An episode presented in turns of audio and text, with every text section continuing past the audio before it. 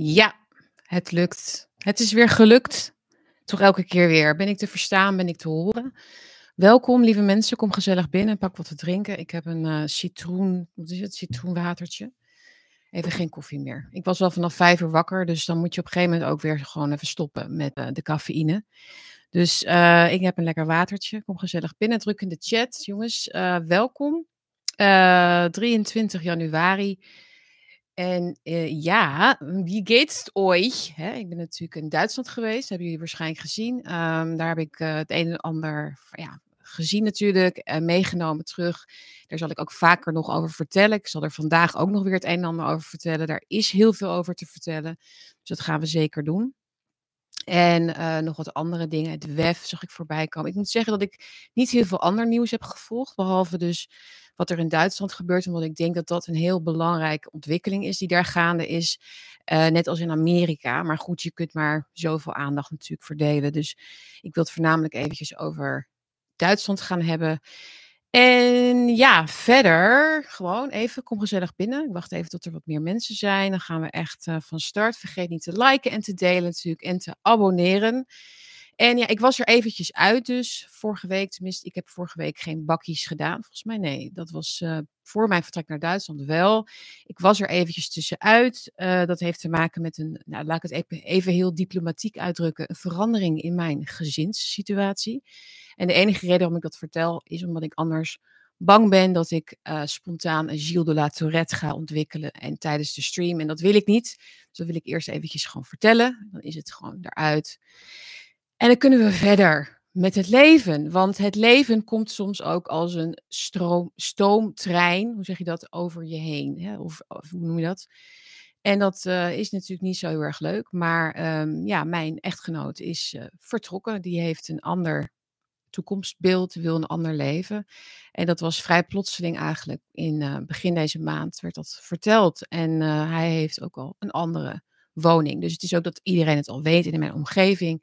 En we zijn natuurlijk daar heel erg druk mee. Dus dat um, om het voor de kinderen natuurlijk zo min mogelijk, ja, voor zover dat kan, zo pijnlijk, zo min mogelijk pijnlijk te maken. Dus dat, uh, dat is heel heftig. Ja, maar ja, uh, that's it. En verder is het een uh, privé-omstandigheid. Ik hoef natuurlijk absoluut geen medelijden of wat dan ook.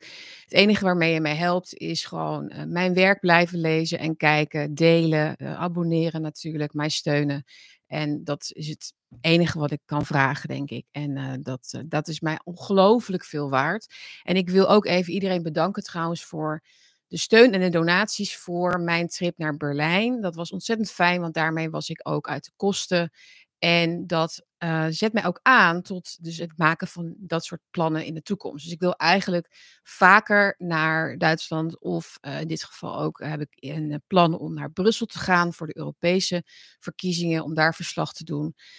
Want het is toch wel een verschil of je dus het straatbeeld meekrijgt en de mensen daar ziet en spreekt en de sfeer proeft, dan dat je hier, ja, dus in deze, wat is het eigenlijk, in deze Nederland BV een beetje beetje ook het nieuws volgt in Duitsland. En je moet het ook met eigen ogen zien. Dus dat, dat, uh, dat vond ik uh, heel leuk om te doen.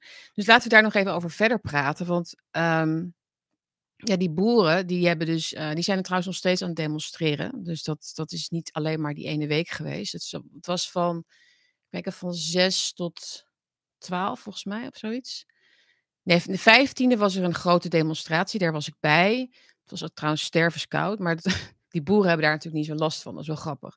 Die zijn dat gewend. Die, staan gewoon om vier uur op en uh, vroeger misschien wel. En die gaan dan met hun tractor helemaal naar Berlijn. En uh, ik werd om vijf uur ook wakker die dag daar.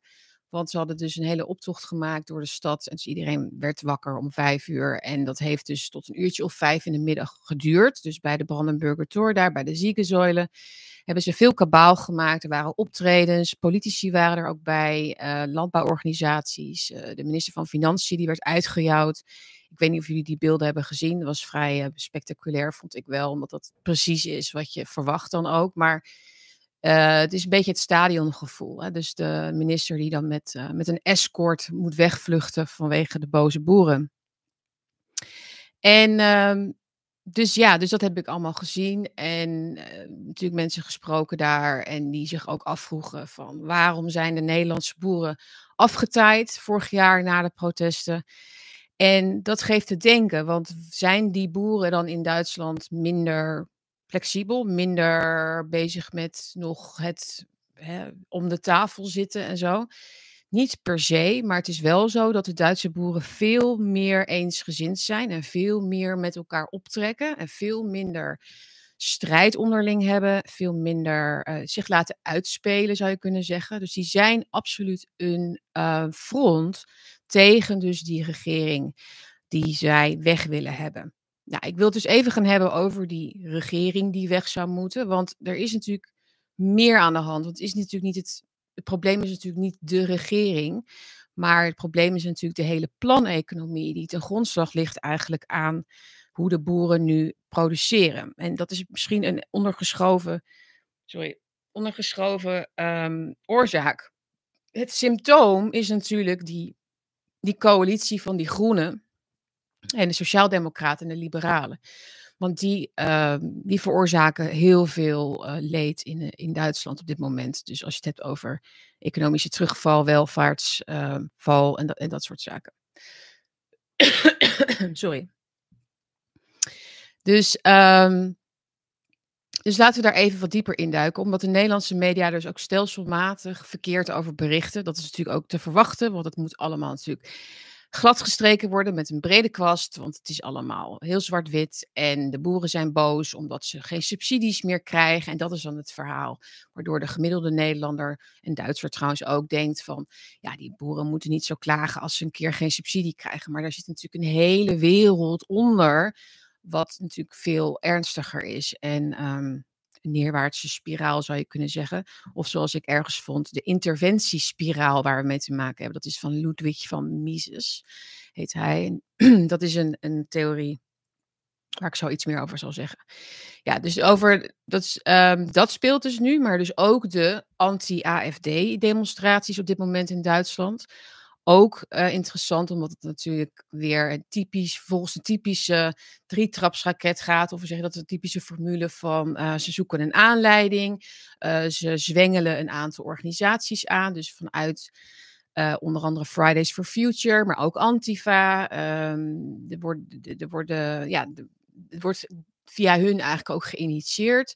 Um, daar zit natuurlijk ook heel veel EU-geld in. Er zit heel veel um, ja, steun van globalistische miljardairs in, die heel graag die mensen de straat op willen om tegen de AFD te protesteren nu.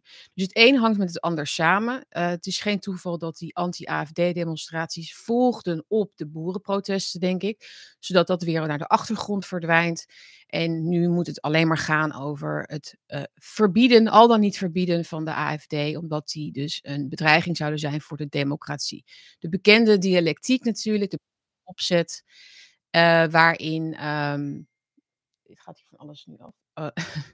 Uh, waarin de. Zoals ik het noemde. Uh, dialectische omdraaiing of zo. Ja, dialectische, de dialectische draai wordt gemaakt eigenlijk. Dus de democratie is al datgene wat niet een gevaarlijke oppositie is in Duitsland. Hetzelfde, is, hetzelfde verhaal natuurlijk met Nederland. Hè? De PVV is een gevaar voor de rechtsstaat, voor de grondwet, voor de democratie. Het is eigenlijk een, een terugkerend thema wat, wat zich blijft herhalen in de hoop dat mensen dus die dialectische draai zullen maken waarin zij die democratie gaan associëren met een ongevaarlijk debat, met een, met een debat waarin geen daadwerkelijke tegenkrachten kunnen ontstaan op de huidige macht. Je mag wel meepraten, je mag wel rechts zijn, maar het is niet de bedoeling dat we de onderliggende ideologie natuurlijk bestrijden. Dus de ideologie van open grenzen, van meer EU, van oorlog tegen Rusland, van meer klimaatbeleid. Dat zijn allemaal onderdelen van die ideologie die onderdeel zijn van de democratie. Hè? Dus ze hebben de democratie en de ideologie samengenomen in de dialectische draai. De democratie is natuurlijk wat de democratie zou moeten zijn, is natuurlijk een afwisseling van machten. Hè. Dus een periode van links, een periode van rechts, bij wijze van spreken. Maar we zien in deze eeuw in ieder geval heel duidelijk dat dat helemaal niet meer kan. Of in ieder geval niet wordt toegestaan door de huidige macht. Dus dat is heel opzichtig, heel, heel goed zichtbaar, vind ik, dat ze dat nu aan het doen zijn. Dat zie je ook in de taal die uh, Ursula von der Leyen natuurlijk uh, deze week, of vorige week alweer, uh, sprak in het kader van die Davos-bijeenkomsten, waarin in feite alleen ja, een soort futuristische platitudes worden geuit over we moeten hierheen en dus, er is geen alternatief. Hè? Dat is een beetje Merkels verhaal. We moeten dit nou eenmaal doen en we moeten oppassen voor desinformatie en dat soort zaken. Dat is dus nu hun focus. En er is geen realiteitszin meer bij deze mensen. Dus met taal proberen ze dus die, um, die democratie als het ware te beschermen, maar onderhuids, en niet zo heel diep daaronder, maar echt vlak onder dat dunne laagje, zit dus die enorme onvrede nu. En die heb ik gezien in Duitsland, in Berlijn. En dan kunnen er best wel honderdduizend, zouden er zijn geweest, honderdduizenden mensen zijn in Bremen, in Hamburg, uh, waar waren ze nog meer in Berlijn. Uh, de afgelopen dagen die tegen de AFD protesteren. Want die staan nu hoog in de peilingen, zoals jullie weten die hebben een, die zien kans op meer macht, omdat ook andere partijen met hun willen samenwerken. Dat zijn nieuwe partijen, daar heb ik vorige keer over gehad. Maar zij zien dus dat er een, um, een gevaar dreigt. Dus die mensen gaan dan de straat op, eh, zoals dat natuurlijk, eh, zoals gehersenspoelde mensen dat natuurlijk plegen te doen, als zij denken dat er weer een, een fascistisch blok aan zit te komen. Ja, er zijn absoluut wel uh, wat extremere, um, moet dat zeggen, figuren in die partij. Maar als je gewoon luistert naar Alice Weidel, hè, dus de partijvoorzitter, en je kijkt naar het programma van de AFD, staan daar echt geen hele rare dingen in. Tenminste, ja, raar voor, een beetje voor wiens um, volgens wiens definitie raar. Hè? Ik bedoel, ze, willen, ze zien dat de immigratie onhoudbaar is. Ze zien dat de EU, de expansiedrift van de EU, eh, Duitsland enorm veel schade toebrengt. Dus zij willen ook uit de EU, heeft Alice Weidel nu gezegd. Dus dat is natuurlijk tegen het zere been van de zittende gevestigde macht. Dus dat is een uh, belangrijk punt, denk ik.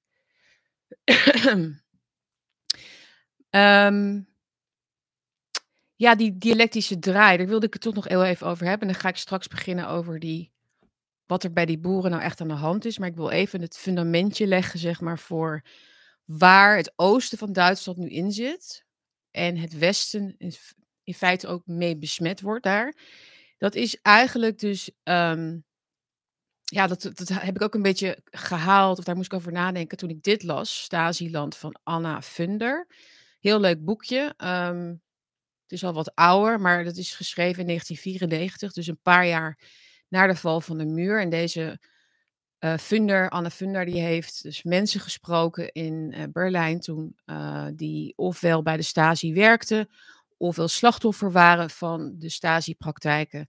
En er zijn dus een aantal, of een tiental, geloof ik, persoonlijke verhalen in opgenomen. En dat is heel interessant, dan krijg je een goed inkijkje in de motieven van mensen om ofwel te vluchten of om mensen te bespioneren, wat natuurlijk die Stasi uh, mitarbeiter heel graag deden. Dat ging vaak vrijwillig. Hè? Dus dat waren gewoon uh, vrijwillige um, spionnen die hun eigen motieven zo hadden.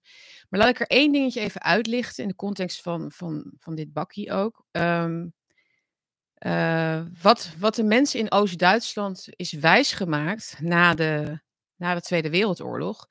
Dus toen de Sovjet-Unie dus invloed kreeg op dat gebied natuurlijk, na de, de verlies van, uh, van, van, de, van Hitler, is dat ze de mensen daar in het oosten toen hebben verteld van jullie moeten nu onze ideeën en ons, ons beeld van de samenleving gaan overnemen. Dus we gaan natuurlijk naar een communistisch systeem.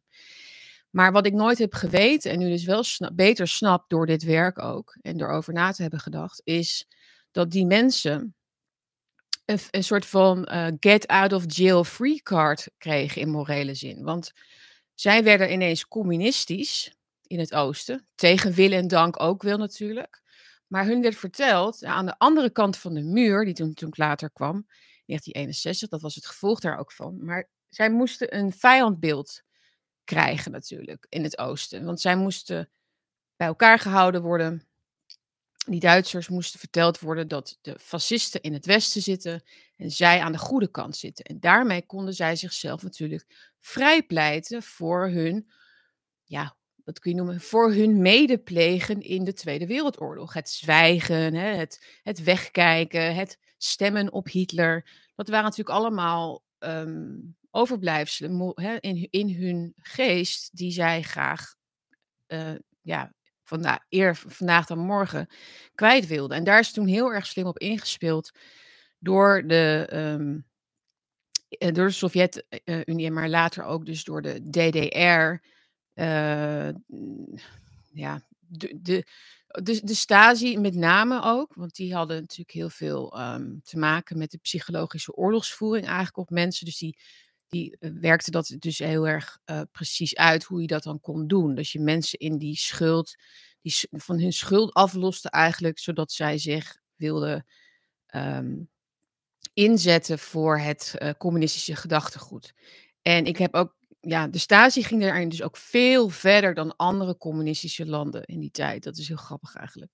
Dus daar was iets, daar viel iets te halen. Er was een soort um, wiedergoedmaching, maar dan um, individueel, zeg maar. Dus er moest een, een um, vrij, vrij, vrijpleiten zijn voor hun. Waarom vertel ik dit? maar het is nu zo dat in het oosten um, de mensen fascistisch worden genoemd door het westen van Duitsland. Waarom? Omdat zij op de AFD stemmen. Maar waarom stemmen zij op de AFD? Omdat zij snappen zij begrijpen veel beter wat fascisme ook eigenlijk is, omdat ze dat altijd is geleerd. Hè? Het ziet er zo uit. En het is dit, en het is onderdrukking, het is controle en het is uh, uh, um, het eren van de staat eigenlijk. Hè? Of het vereren van de staat. Want dat is officieel dus de definitie van fascisme. Hè? Fascisme is niet uh, zullen we wat minder asielzoekers opnemen. Fascisme is het vereren van de staat en het wegmaken van het individu. Het is heel erg vergelijkbaar met het communisme, maar dat is wel een belangrijk onderscheid. En dus het vereren van de staat als een, als een god, bewijs van spreken. Dus dat is. Uh, dus dat, dat snappen zij als geen ander. Ze hebben de DDR-tijd meegemaakt, maar ze is ook verteld wat het fascisme dus eigenlijk is. Dus met die kennis, met die achtergrond, want heel veel mensen nu nog in het oosten die wat ouder zijn, die hebben natuurlijk dat ook meegemaakt. De val van de muur en de demonstraties in Leipzig toen uh, in de maanden daarvoor. Die hebben, zijn toen de straat opgegaan en die wilden dus uh, die vrijheid terug. Ze wisten dat dat fascisme helemaal niet in dat westen zat. Zij wilden uiteindelijk weer af van het communisme. Zij hebben dus beide kanten van de dialectiek gezien. Zij weten precies hoe dat spel uh, wordt gespeeld en hoe die inversie eigenlijk gaat van vijandbeelden tegenover elkaar. En wij in het Westen zitten veel meer in een soort soepje van morele verhevenheid, waarin ja, alles wat uh, dictatuur is, slecht is, maar wat dat precies betekent, dat, dat snappen we eigenlijk niet zo goed. Dus nu wordt het oosten wordt zwart gemaakt. Zij worden eigenlijk de kop van Jut. Het ligt allemaal aan hun. En zij stemmen op de AFD omdat zij de controlestaat, de verering van de staat, die wij nu op dit moment binnen de EU en binnen het Westen aan het doen zijn, snappen. Zij zien het. Zij zien dat dit gebeurt. Zij zien dat, het, dat er te veel uh, op hun vrijheid wordt, wordt uh, ingeleverd. Zij moeten betalen voor, alle, ja, voor al die ideolo ideologische waanbeelden, kan je zeggen. Wat natuurlijk ook gewoon het werk is van een criminele bende. Ik denk dat we dat misschien ook meer moeten gaan erkennen nu dat het natuurlijk niet alleen maar een soort van ideologie is, maar ook gewoon een criminele bende. Zoals we in, uh, bij het WEF ook zien. Uh, die uh, dus bepalen wat er gebeurt. Um, maar, hoe kunnen ze, maar ze kunnen het dus niet anders framen dan dat ze ze, ja, dat, dan ze fascisten noemen. Um, omdat ze denken, nu komt het punt, ze denken dus in Berlijn, uh, de regering, de mensen aan de top, de macht, als we die mensen fascisten noemen, dan gaan we dat mechanisme weer in gang zetten. Dan gaan zij weer bang worden dat ze dat zijn, dus worden ze als vanzelf weer communistisch hè, in hun aard. Dan gaan zij zich wel weer onderwerpen aan wat wij willen. Het is een beetje ingewikkeld misschien, terminologie. Maar natuurlijk speelt het een belangrijke rol waarom het Oosten dus nu uh, alleen maar oppositie aan het stemmen is. Dus de peilingen uh, laten uh, duidelijk een beeld zien dat de um, Sociaaldemocraten zwaar verliezen, de Liberalen zwaar verliezen, CDU wat minder, maar dat komt omdat die nog officieel dan oppositie zijn sinds 2000, sinds vorig jaar, geloof ik, 2021. Maar, um, en de CSU ook. Maar die oppositie is natuurlijk ook schijnoppositie. Want daarin zit ook die Friedrich Merz. Dat is gewoon een BlackRock-man. En ja, die durven ook niet zo heel erg natuurlijk um, richting de AFD te bewegen. Proberen ze wel een beetje, zodat ze die oudere kiezers een beetje vast kunnen houden. Die conservatieve kiezer willen ze graag vasthouden. Maar het is allemaal heel erg um, uh, wij, het is weinig overtuigend wat ze doen om dus daadwerkelijk die opmars van de AFD te, tegen te houden. Ze zitten als het, als het ware tussen een rock en een hard place, zoals je het in Engels zegt. Hè. Ze moeten, enerzijds moeten ze dus laten zien, proberen te laten zien dat ze de democratie zijn. Dus dat ze gewoon het dat debat willen voeren. Maar aan de andere kant willen ze de partij gewoon verbieden. Willen ze mensen dus kunnen uitsluiten en schofferen en uitschelden. Dus, en dat doen ze dus via eigenlijk die puppets, hè, de, de useful idiots die de straten opgaan, de, de GGZ-klinieken die dan worden leeggehaald om die mensen op straat te sturen met borden als we moeten nazi's neerschieten. En daar wordt dan natuurlijk dan mee bedoeld AFD-stemmer. Dus dat is de sfeer. Het is heel grimmig in Duitsland. En ik denk dat dat uh, interessant wordt. Wat de macht eigenlijk gaat doen. Dus of ze echt een partijverbod gaan inzetten. Of dat ze de financiering gaat stoppen. Wat uh, bijvoorbeeld die Mark Söder wil. Die, uh, zeg ik het goed? Ja, volgens mij wel. Ehm, maar dat komt natuurlijk neer op hetzelfde. Als je het geld, als mensen geen geld meer krijgen, partijen geen geld meer krijgen, dan, uh, ja, dan, dan houdt het natuurlijk op. Um, Sarah Wagenknecht kennen jullie misschien ook wel. Die is afgesplitst van die linken. Die zegt, die is, die is ook meer op de AFD-tourachtig. Die probeert een beetje dat sentiment ook, daar ook een beetje op mee te liften. En die zegt, ja, door dat geframe en door dat uitsluiten van mensen, um, help je de AFD alleen maar om te groeien. En dat is een feit. Dat is wat er met de PVV is gebeurd. Dat is wat ook met, in Duitsland gebeurt met de AFD. Dat gaat ook in andere landen gebeuren. En die geest krijg je niet meer uit die fles. Dus het is, wordt heel interessant hoe er hoe ze dus op alle, op dat bord, zeg maar, op dat, op dat schaakbord, zowel de boeren als de ontevreden arbeider, burger, die in al, waarin de demografie heel divers is, hoe ze, die bij, hoe ze al die mensen als het ware weer in hun, in hun hok gaan krijgen. Um, en ja, dus dat, dat, dat is aan de hand. Maar dan even over die boeren. Um, Even kijken hoor, wat had ik erover geschreven? Um, ja, dus die boeren die zijn boos, boos op uh, de AMPO-coalitie. Dat is dus de huidige coalitie in Duitsland. En die zijn boos omdat hun subsidies worden gekort op de gasprijzen. Uh, want die, gasprijzen zijn heel erg omhoog gegaan en de belastingen daarop waren al heel erg hoog en gingen al jaren omhoog geloof 40, 45 procent ongeveer de afgelopen jaren. Dus er is heel veel stijging geweest van hun lasten. Dus heel moeilijk dus om rendabel uh, te, boeren.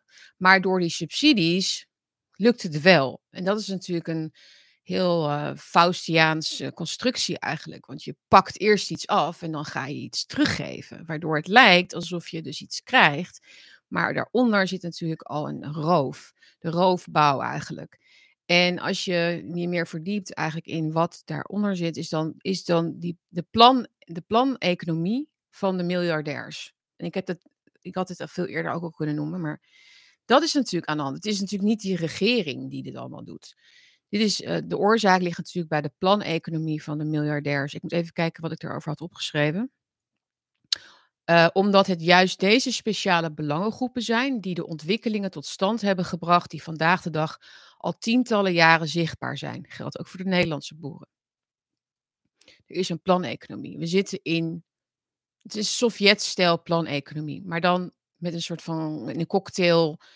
in een cocktail met kapitalisme en, en dat soort en, en ideologie globalisme en alles huma, human, ja, wat is het? Humanisme, alles. Het een, het is een mix, maar het komt erop neer dat de macht dus bij de grote voedsel, voedselbedrijven zit natuurlijk. En die hebben een voordeel van het uh, uitknijpen eigenlijk dus van die boeren. um, ja, die Ampel schrijft die anti-marktwirtschaftliche politiek leidlich auf die Spitze. Ja, dus de Ampelpolitiek die drijft dat eigenlijk door tot het uiterste. dat las ik ergens. Dat is um, in feite hoe je het moet zien. Zij drijven het door. De elite, de gevestigde orde, heeft haast. Ze drijven het tot in extreme door. Dus door die prijzen nog weer te verhogen en die subsidies af te pakken. En um, blijkbaar moet dat snel, omdat er dus iets moet worden. Er moet een soort omwenteling komen, natuurlijk, de reset of hoe je het ook wil noemen. Het zet consequent voort wat al tientallen jaren, zoals ik al zei, wordt waargenomen. Steeds meer regulering, steeds hogere staatsquota, steeds hogere verplichte belastingen, steeds meer verplichte um, verwarming. Kom ik daar naar bij? Dus, uh, in het algemeen dus steeds meer planeconomie en minder markteconomie. De, uh, de vorige regering onder leiding van de CDU heeft de CO2-belasting ingevoerd en nu wordt deze verder verhoogd. Hetzelfde geldt voor de tolgelden voor vrachtwagens en andere belastingen. Ja, dus er is te weinig markteconomie natuurlijk ook. Dus, en, maar je kunt dat niet zomaar afbouwen. Dus in feite is het een verslaving aan subsidies en een verslaving aan voordeeltjes die boeren dus nodig hebben. Maar waar ze natuurlijk tegen zouden moeten strijden, uh, is het helemaal afschaffen van de belastingen op energiebronnen. Dus een belasting op gas en op diesel en dergelijke. Dan pas krijg je de vrije markt weer terug en dan kunnen ze concurreren met het buitenland. Maar ja, dan krijg je, zoals het heet, de, uh, de interventie. Want er zit in een interventiespiraal. Dus er is een spiraal, neerwaartse spiraal gaande, waarin dat eigenlijk niet meer kan. Want dan verliezen die grote bedrijven eigenlijk hun macht. Niet alleen de landbouw bevindt zich in wat Ludwig, Ludwig van Mises omschreef als de interventiespiraal. Die kan worden vergeleken met een neerwaartse spiraal. De ene mislukte interventie wordt gevolgd door de andere. En met iedere interventie sterft een ander deel van de markteconomie dat al slechts in fragmenten bestaat uit. Ja. Ik heb er stukjes geplukt uit een stukje daarover. Über, Überbesteuerung macht aus Leistungsträgern Bittsteller. Bittsteller, mooi woord. Dat is eigenlijk een soort smekelingen. Hè? Dus mensen die moeten smeken. De boeren moeten gaan smeken om hun hoofd boven water te houden. En dat is het verhaal. En dat is niet wat je in het NRC of de Volkskrant leest of de Telegraaf, waarin het totaal wordt verdraaid, totaal het verhaal wordt verdraaid naar wij, ze, ze hebben gewoon, uh, ze, ze, ze, ze verdienen genoeg en dat soort onzin. Uh, feit is dus dat de, de economie niet functioneert. Functioneert niet en dat is de schuld dus van die planeconomen, die miljardairs in die grote investeringsmaatschappijen, maar ook de Unilevers en al die, al die, al die grote, die, die hele waaier eigenlijk van, dat conglomeraat eigenlijk van die grote machtige bedrijven. Die dus ons ook heel veel op de mouw spelden daarover. Hè? Dat is wel heel duidelijk aan het worden nu. Um, Ludwig van Mises toonde in 1922 in zijn werk The Common Economy aan dat de planeconomie gedoemd was te mislukken vanwege de onmogelijkheid van economische berekeningen. En zonder privé-eigendom kun je kunnen er geen prijzen zijn. En zonder prijzen zouden er geen signalen meer van overschot en schaarste zijn. Precies, wij leven niet meer in een markteconomie. Zoveel is hiermee hiermee denk ik wel duidelijk. Maar daar zou eigenlijk dus tegen gedemonstreerd moeten worden. Tegen echt de onderste steen daarover. Want um, ja, je wil natuurlijk.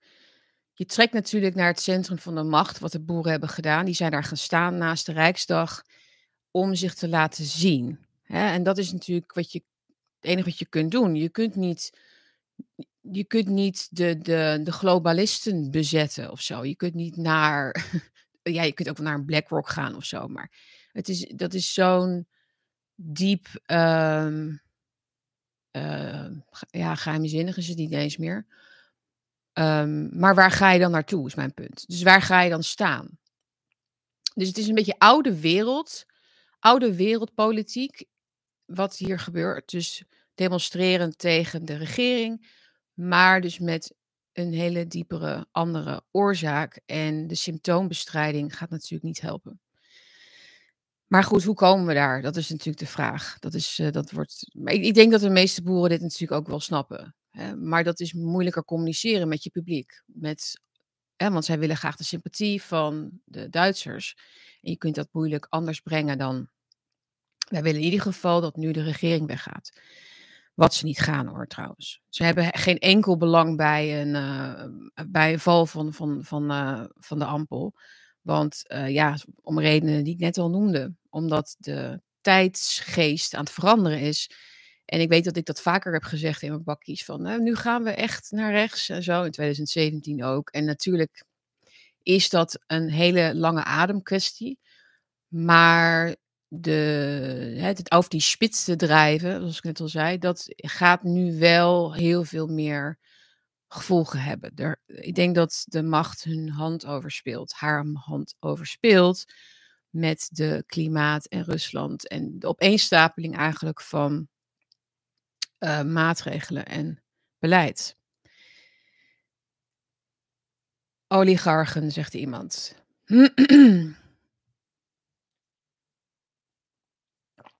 Slim gedaan eigenlijk, hè? Wat is het ongelooflijk slim gedaan? Dat ze de oude wereld, de oude wereldpolitiek vooruit hebben geschoven. Hè? Dus regeringsvorming, verkiezingen, lokale verkiezingen, Europese verkiezingen. Heel veel nieuws daaromheen bouwen, opinie daaromheen bouwen. En dan um, vervolgens dus een uh, en dan inter, oh ja, intergouvernementele of non-gouvernementele organisaties zoals het WEF. Hebben jullie Rutte dat laatst horen zeggen? Nee, ja, maar het WEF is een, een non-gouvernementele organisatie. Zo van, als het niet een overheidsinstelling is, is het een praatclub. Dus dat is dan het idee. Dus eh, we hoeven ons niet te verantwoorden, want we zijn geen overheid. Ik ben dan wel de demissionaire minister-president van Nederland. En ik vlieg naar, wat ging, waar ging die nou weer naartoe? Naar Albanië en zo. En ik vlieg overal heen. Maar ja, ik ben gewoon ook maar, ja, we zijn gewoon bezig voor de goede zaak. Maar goed, dat Albanië was dan geen WEF-ding. Maar het is, dat is natuurlijk wel heel opvallend, toch? Maar uh, WEF, ja, dat, dat, dat hele. Het, stelt niks voor. Wij stellen niks voor. Uh, let maar niet op, maar we gaan wel dit allemaal doen. Dus Maxima erbij en iedereen erbij. Ik weet niet wat jullie nog opgevallen was daar, maar het was ja, veel van hetzelfde. De, de eeuwigdurende vrijdagmiddagbol, waarin Rutte dan een soort je meeneemt in de wandelgangen. Kijk, hier heb ik net met de met de premier van Jordanië gezeten. Nou ga ik straks hier eventjes een biertje drinken met uh, de... Oh my god. Het is echt de carrière van... Zijn carrière is, is, is, het, is een soort de docu. Hij is soort van... Hij, hij zit in een soort docu. De docu. Nou ja. Rebel News, zegt iemand. Maar we moeten het tempo een beetje gaan opvoeren, denk ik wel hoor. Ik uh, zat gisteren te luisteren naar de Nieuwe Wereld. Vind ik altijd heel fijn om daar te luisteren. Met Jelle van Baardenwijk, Ad Verbrugge, nog iemand. Ja, en dan wordt er over Amerika gepraat en zo. In Duitsland natuurlijk ook. En er, dan zegt Ad Verbrugge bijvoorbeeld. We zetten in een pre-revolutionaire tijd. Nou, dan heb je mijn aandacht. Um, maar ja, dan gaat het toch weer over. Is de, ja, uh, we moeten meer naar die mensen luisteren en zo. Ja, maar zij, oh nee, zij moeten meer naar de mensen luisteren, wordt er dan gezegd in al die praatprogramma's. Dat zei Andreas ging ook bij Radio 1. Er wordt niet meer geluisterd naar de mensen met normale zorgen. Uh, daar moet een woord voor komen, want het is ook heel typisch. Want um, dat hele, we moeten naar ze luisteren, dat is ook, heeft ook iets heel erg paternalistisch, toch? Of iets heel uh, ook al bedoel je het goed, zeg maar, van we, we moeten meer naar de PVV-stemmer luisteren, want dat vind ik ook. Maar daarin zit een soort, ja, alleen maar om, omdat, we, omdat we dan, zodat we verder kunnen. Of zo, zodat we iets repareren. Zodat we dat gesprek op gang kunnen brengen. Zodat we uh, de dialoog weer terug hebben. Maar, maar gaat, het, gaat het dan niet ook een beetje over wat die mensen dan precies te zeggen hebben? Of dat er ook een soort. Hè, dat zij ook een bepaalde vertegenwoordiging hebben in, in hun standpunten, al daarmee. Het is zo grappig dat, dat de PVV-stemmer, de AFD-stemmer, wordt dan gereduceerd tot die mensen. Die wij moeten, daar, waar, daar moeten wij naar luisteren. Als we niet luisteren, ja, dat is het. Dan gaat het mis. Dus je luistert alleen maar zodat het niet misgaat. Dat moet je echt, ik vind dat je dat echt verder, hè, dat de, de denkers van deze wereld, zeg ik dan maar even zo, dat dus verder moeten uitpakken. Dus even een oproepje. Is het niet al, zijn we niet al verder dan dat? Zijn we, want op een gegeven moment dan gaat dat heel snel veranderen, dat, dat, er, dat je mag hopen dat die mensen dan straks naar jou gaan luisteren. Snap je? Dat is het meer. Wie luistert, wie moet er nou eigenlijk luisteren naar wie? Hmm. Maar dat blijft, het, daarin steken.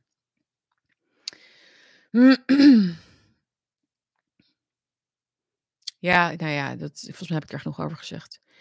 Um, ja, nog heel even over het, wat ik net even aanstipte, het recht om gezien te worden of het gezien willen worden. Ontzettend belangrijk. Mensen moeten gezien worden. Ik wil daar ook een stuk over gaan schrijven. Dat het, dat het een, ik hoorde dat ergens een schrijver zeggen of zo, onbekende schrijver, maakt niet uit. Um, dat er een soort moreel recht is om gezien te worden.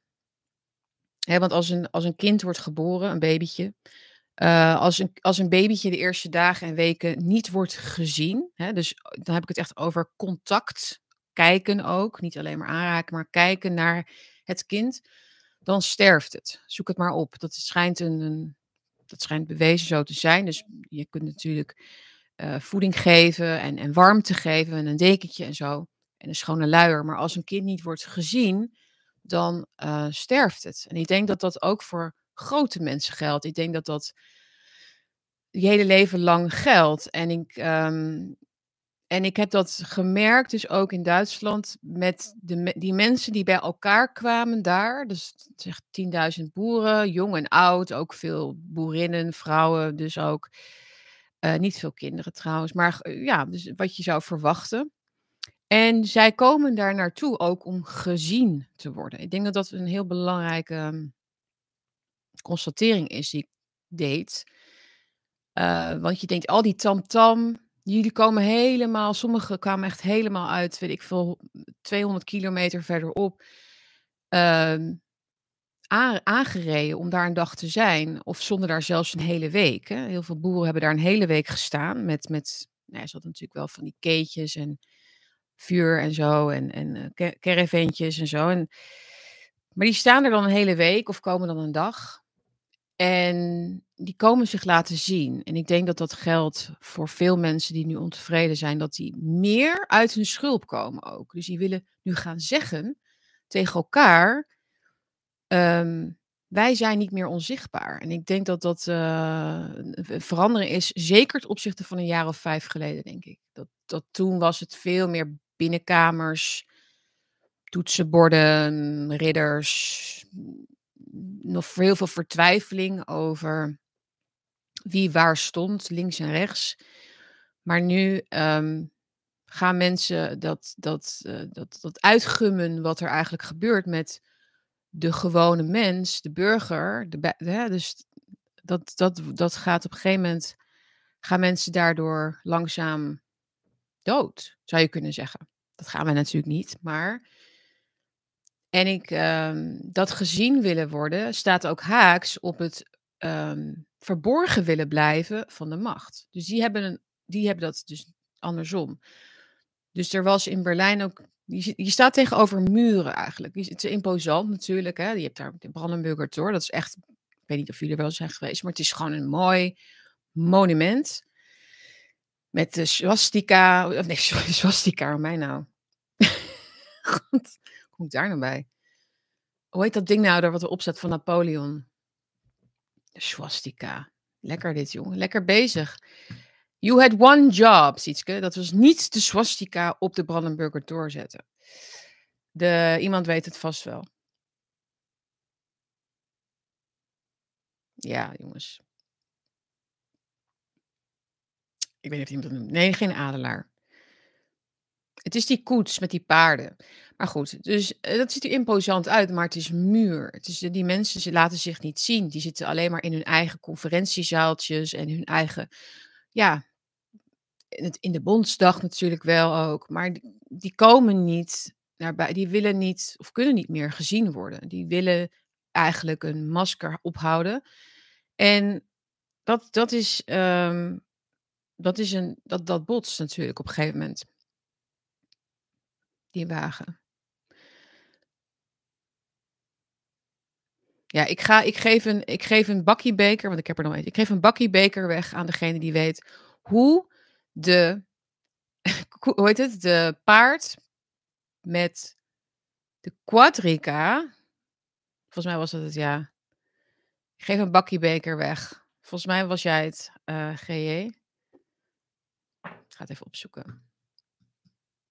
Ja, ik wil, ik wil natuurlijk nu. Uh... Gaan, even naar, we gaan nog even naar Joris Luindijk zo, jongens. Even wat luchtigheid op deze dinsdag. Toet, toet, toet, toet, toet.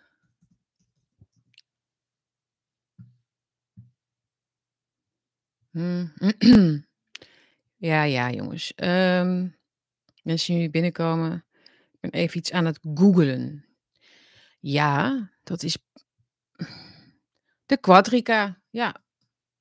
Nou, we hebben het toch nog opgelost. De quadrica, niemand hier in de stream gaat dit ooit meer vergeten. Maar dan snap je nu mijn spraakverwarring, toch? De quadrica. Um, iemand zegt, Ad zegt, uh, dit is een hele goede Sietske, dat naar ze luisteren is precies dat aangeeft hoe de top in werkelijkheid totaal ook niet van plan zijn om ook maar een moment te besteden aan de bevolking. Nee. Nee, dus uh, als ze het al zeggen, dan doen ze dat puur instrumenteel. Is het puur om, om ja, dus te tonen dat ze hè, reflectie tonen of zoiets. Maar waarom zouden ze dichter, waarom zouden ze ons naderen ergens in? Ik weet het antwoord wel. Omdat zij in een fictie zitten. Dus ze kunnen, dus dan, dan barst, dan barst de fictie. Dus zij hebben een interventiespiraal, neerwaartse spiraal. Zij doen allerlei dingen om te voorkomen dat, dat, dat, dat, dat die fictie eigenlijk uh, breekt. Dus dat een muur weer valt. Zoals ook um, opiniemakers in Duitsland ook wel zo benoemen hoor. Dat er een muur dreigt te gaan vallen. Maar natuurlijk virtueel. Maar het, het kost meer tijd. Maar goed, het heeft uh, in uh, vorige eeuw ook een tijdje geduurd natuurlijk. Vergeet niet dat de politieke top maar zetbazen zijn van echte macht. Ja, de Rob Jettes en uh, dat, soort, dat soort mensen. Oké. De vaart zit er lekker in, zegt iemand. Ja, ik was heel vroeg wakker, dus ik ben een beetje hyper en dan ben ik veel aan het lezen geweest en dan uh, komt het er allemaal in één keer uit. Beetje opgespaard, denk ik ook. De Schwadrika, zegt iemand. Quadrika. Nou, degene die het als eerste goed had, die mag maar in ieder geval even een mailtje sturen en dan stuur ik je een bakje beker. Ik heb er nog een paar liggen. Ik moet eigenlijk weer een voorraadje bestellen. Dat ga ik binnenkort ook wel weer doen. Uh, ik ga nog veel meer andere dingen ook doen. Ik ga ook weer mijn interviews in oppakken met anderen. Dat, daar heb ik heel veel zin in, ook om meer in gesprek te gaan met mensen die ik uitzoek, die ik selecteer um, op het Bakkie kanaal. En voor de Fire Online dus. Alright. Wat had ik nog meer? Zullen we nog even Joris Luijendijk doen? Voor de, voor de leuk. Want het gaat natuurlijk helemaal niet over hem. Want niemand, nobody cares, zoals het heet. Um, Goed dat je weer vrijgezel bent. Ja, nou, het heeft zijn voordelen, maar um, ja, we gaan het zien. We gaan het zien, jongens. De toekomst ligt open. Uh, ja, Joris Luijendijk. Dat is nog niet iemand waar ik dan meteen aan denk of zo. die, die toekomst. Oeh, het lijkt me een hele vervelende partner. Ehm, Joris Luijendijk, ik heb de zeven vinkjes besproken in mijn bakkie. Volgens mij ook met Jan Benning toen een keer. Het is vaker langsgekomen. Interessant fenomeen. De schuldige witte man. Hè? Maar dit is even grappig, want hij heeft dus nu geklaagd via het AD dat hij een deuk heeft opgelopen na zijn laatste boek. Dus moet je je voorstellen. Dus je bent een bestseller, auteur, een veelgevraagde spreker. Um, je wordt overal aan de praattafels uitgenodigd als je een scheetje laat, omdat je weer iets hebt bedacht. Deze man, die, die heeft dus een, een boekje geschreven wat niet heel succesvol was. En dan mag hij komen klagen dat het niet zo succesvol was. En dat het eigenlijk wel succesvol had moeten zijn, maar er was een oorlog ineens uitgebroken. Dus daar lag het aan. Heel komisch. Maar ja, dus in de, in de categorie pathetiek, zeg maar, hebben we dus het interview in de AD van Joris Luijendijk. En dit staat niet op zichzelf. Nogmaals, het gaat niet over, over, um, over hem per se, maar wel over dit, dit, dit, dit, dit wegmaken, zichzelf wegmaken eigenlijk van mensen met invloed. Toch, toch wel. Of die gewend zijn aan hun bubbel. Um, en die denken dat ze dus zichzelf moeten wegmaken of zo, maar ze willen eigenlijk wel weer die erkenning de hele tijd hebben. En als ze dan geen erkenning krijgen, dan worden ze een beetje raken ze uit balans. Dat zegt hij ook. Moet je, horen. Nederland op zijn smalst hoor, dit. Uh, net zoals zijn eerdere boeken leek De Zeven Vinkjes een bestseller te worden, tot er een storm van kritiek losbarstte en de verkoop stilviel. Het raakte journalist Joren Luijendijk diep, vertelt hij in Weekend Magazine Metza. Ik heb er echt een knauw van gekregen en er letterlijk slecht van geslapen. Oké. Ehm, dus kritiek en uh, tegenvallende verkoopcijfers, daar ga je dan over klagen? Schrijf een nieuw boek, shut up. Het, is, het was gewoon een mislukking. Geef het gewoon toe.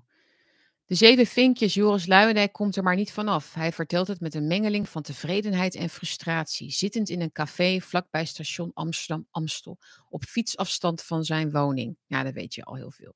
Dus meneer woont in Amsterdam, fietsafstand, cafeetje, en daar dan even lekker leeglopen. Le mensen vervelen met jouw teleurstelling, met dat jij gepest bent omdat je een heel vervelend boekje hebt geschreven.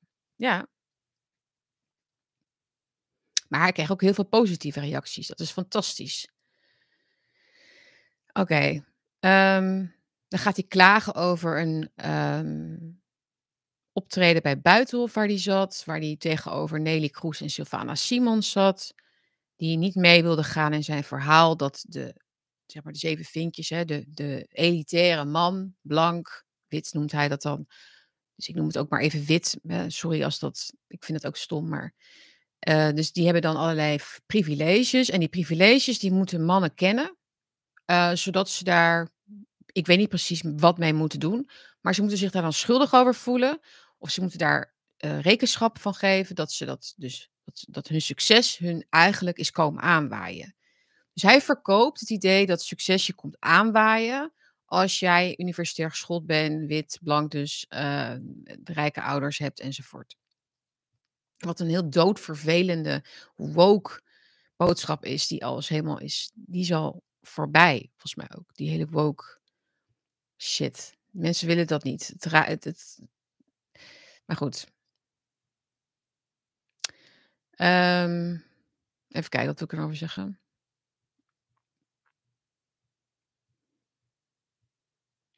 Ja, het is heel narcistisch. Het is echt een soort leegloop, klaagzang op ik heb het zo goed bedoeld. Hè? Heb je er slecht van geslapen? Jazeker, ik heb er echt een knauw van gekregen. Letterlijk zeggen slapen. En ik vergat afspraken. Het is een soort pesten wat er gebeurde. En het effect van pesten is dat je uit balans raakt. Ik vond het heel moeilijk. Ik voelde me ook verraden, in de steek gelaten door mijn eigen wereldje, NRC, de VPO enzovoort. Is Joris Luindijk niet cultureel antropoloog van oorsprong, toch? Hij, hij is volgens mij antropoloog, in ieder geval. Um, maar wat hij doet, is studiemateriaal voor antropologen, vind ik. Het feit dat jij zegt dat jij in de steek gelaten voelt door NRC en de VPRO, omdat jouw boekje niet de hemel in werd geprezen, is precies dus wel wat jij beweert. Dat, je, dat zijn de privileges die je hebt. Dat zijn dus privileges waar jij geen afstand van kan nemen. Jij denkt dat het gaat over je huidskleur en dat het gaat over je studie en over je hockeyvereniging, maar het gaat over die eigen culturele bubbel die je zelf opzoekt, waar mensen elkaar uh, om hun standpunt, omdat ze laf zijn en omdat ze geen originaliteit hebben en niet creatief zijn, elkaar de hele tijd veren in een reet steken. Dat is jouw clubje. En daar voel en dus als jouw boekje niet de, de, de, weet ik veel, de ACO-prijs wint of een of andere stomme prijs, dan voel jij je in de steek gelaten. Dit is de, de, de zeven vinkjes van Joris Luijendijk zijn precies dit. Dat zou ik, ik zou het noemen narcisme, zelfgenoegzaamheid, tunnelvisie, bubbeltjesvorming, bubbelsvorming, um, noem er nog een paar. Dat, dat zijn de zeven vinkjes. Dat, zijn de, dat heeft niks te maken met iemand zijn huidskleur. Dat is, dat is puur kijken naar de, de uitkomsten van waar werken de meeste mensen en welke kleur hebben die. Ja, dat is in de meeste landen in het Westen nog overwegend blank. Ja, maar dat betekent niet dat je een schuldcomplex moet gaan krijgen. Maar hij wil een schuldcomplex krijgen over iets waar zijn schuld nou juist niet ligt. Waar zijn schuld ligt, is in dat hij niet origineel is. En dat hij mensen bedriegt met dit soort verhalen over zichzelf. En een schuldgevoel wil projecteren op anderen. Jij bent ook blank, dus jij moet, het ook, jij moet dat ook doen. Kijk eens wat ik doe. Kijk eens wat voor offer ik hier breng. Heel meelijwekkend is het. Maar goed, dat wil ik er nog even over kwijt. Joris Luijendijk. Come on. Ja, en heel weinig mensen keken naar mijn bakkie, want ik heb iets gezegd en, en ik, ik heb er echt een deuk van opgelopen.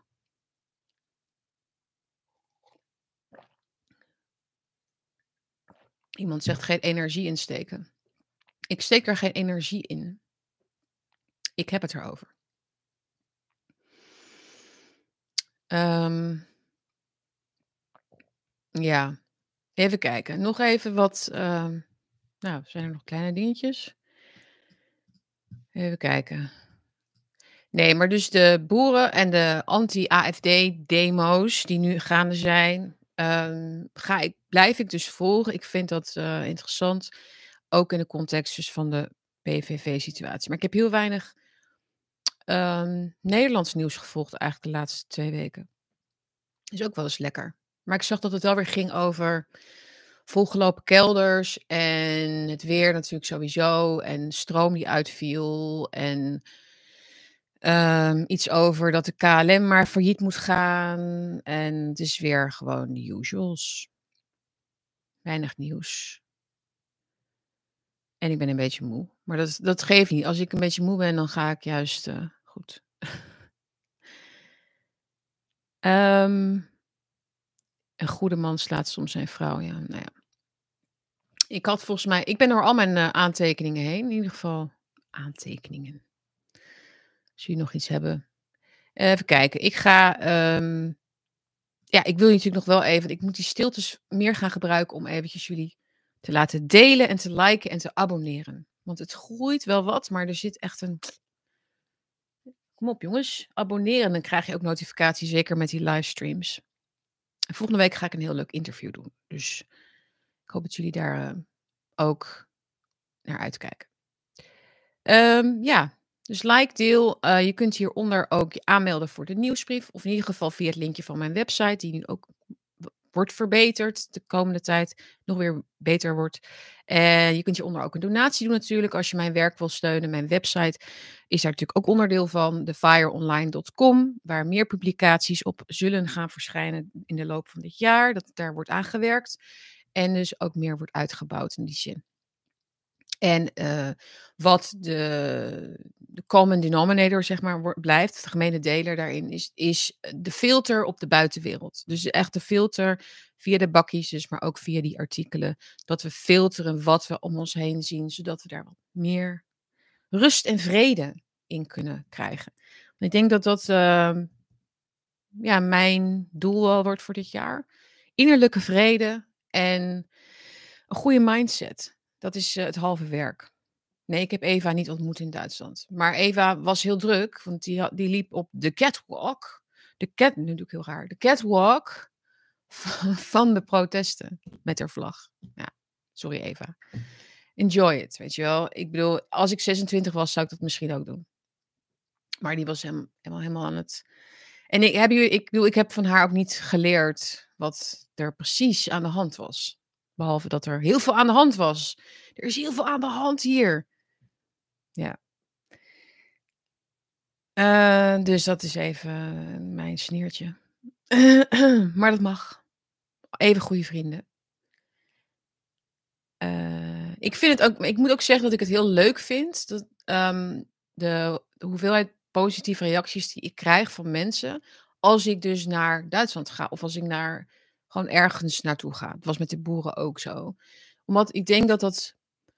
Omdat mensen echt het gevoel hebben meer dat je ze meeneemt naar de, de omgeving, zeg maar, waar, toch waar iets dan gebeurt. Omdat we zo een beetje zo tekort komen hier in Nederland. We hebben zo weinig daarvan hier eigenlijk.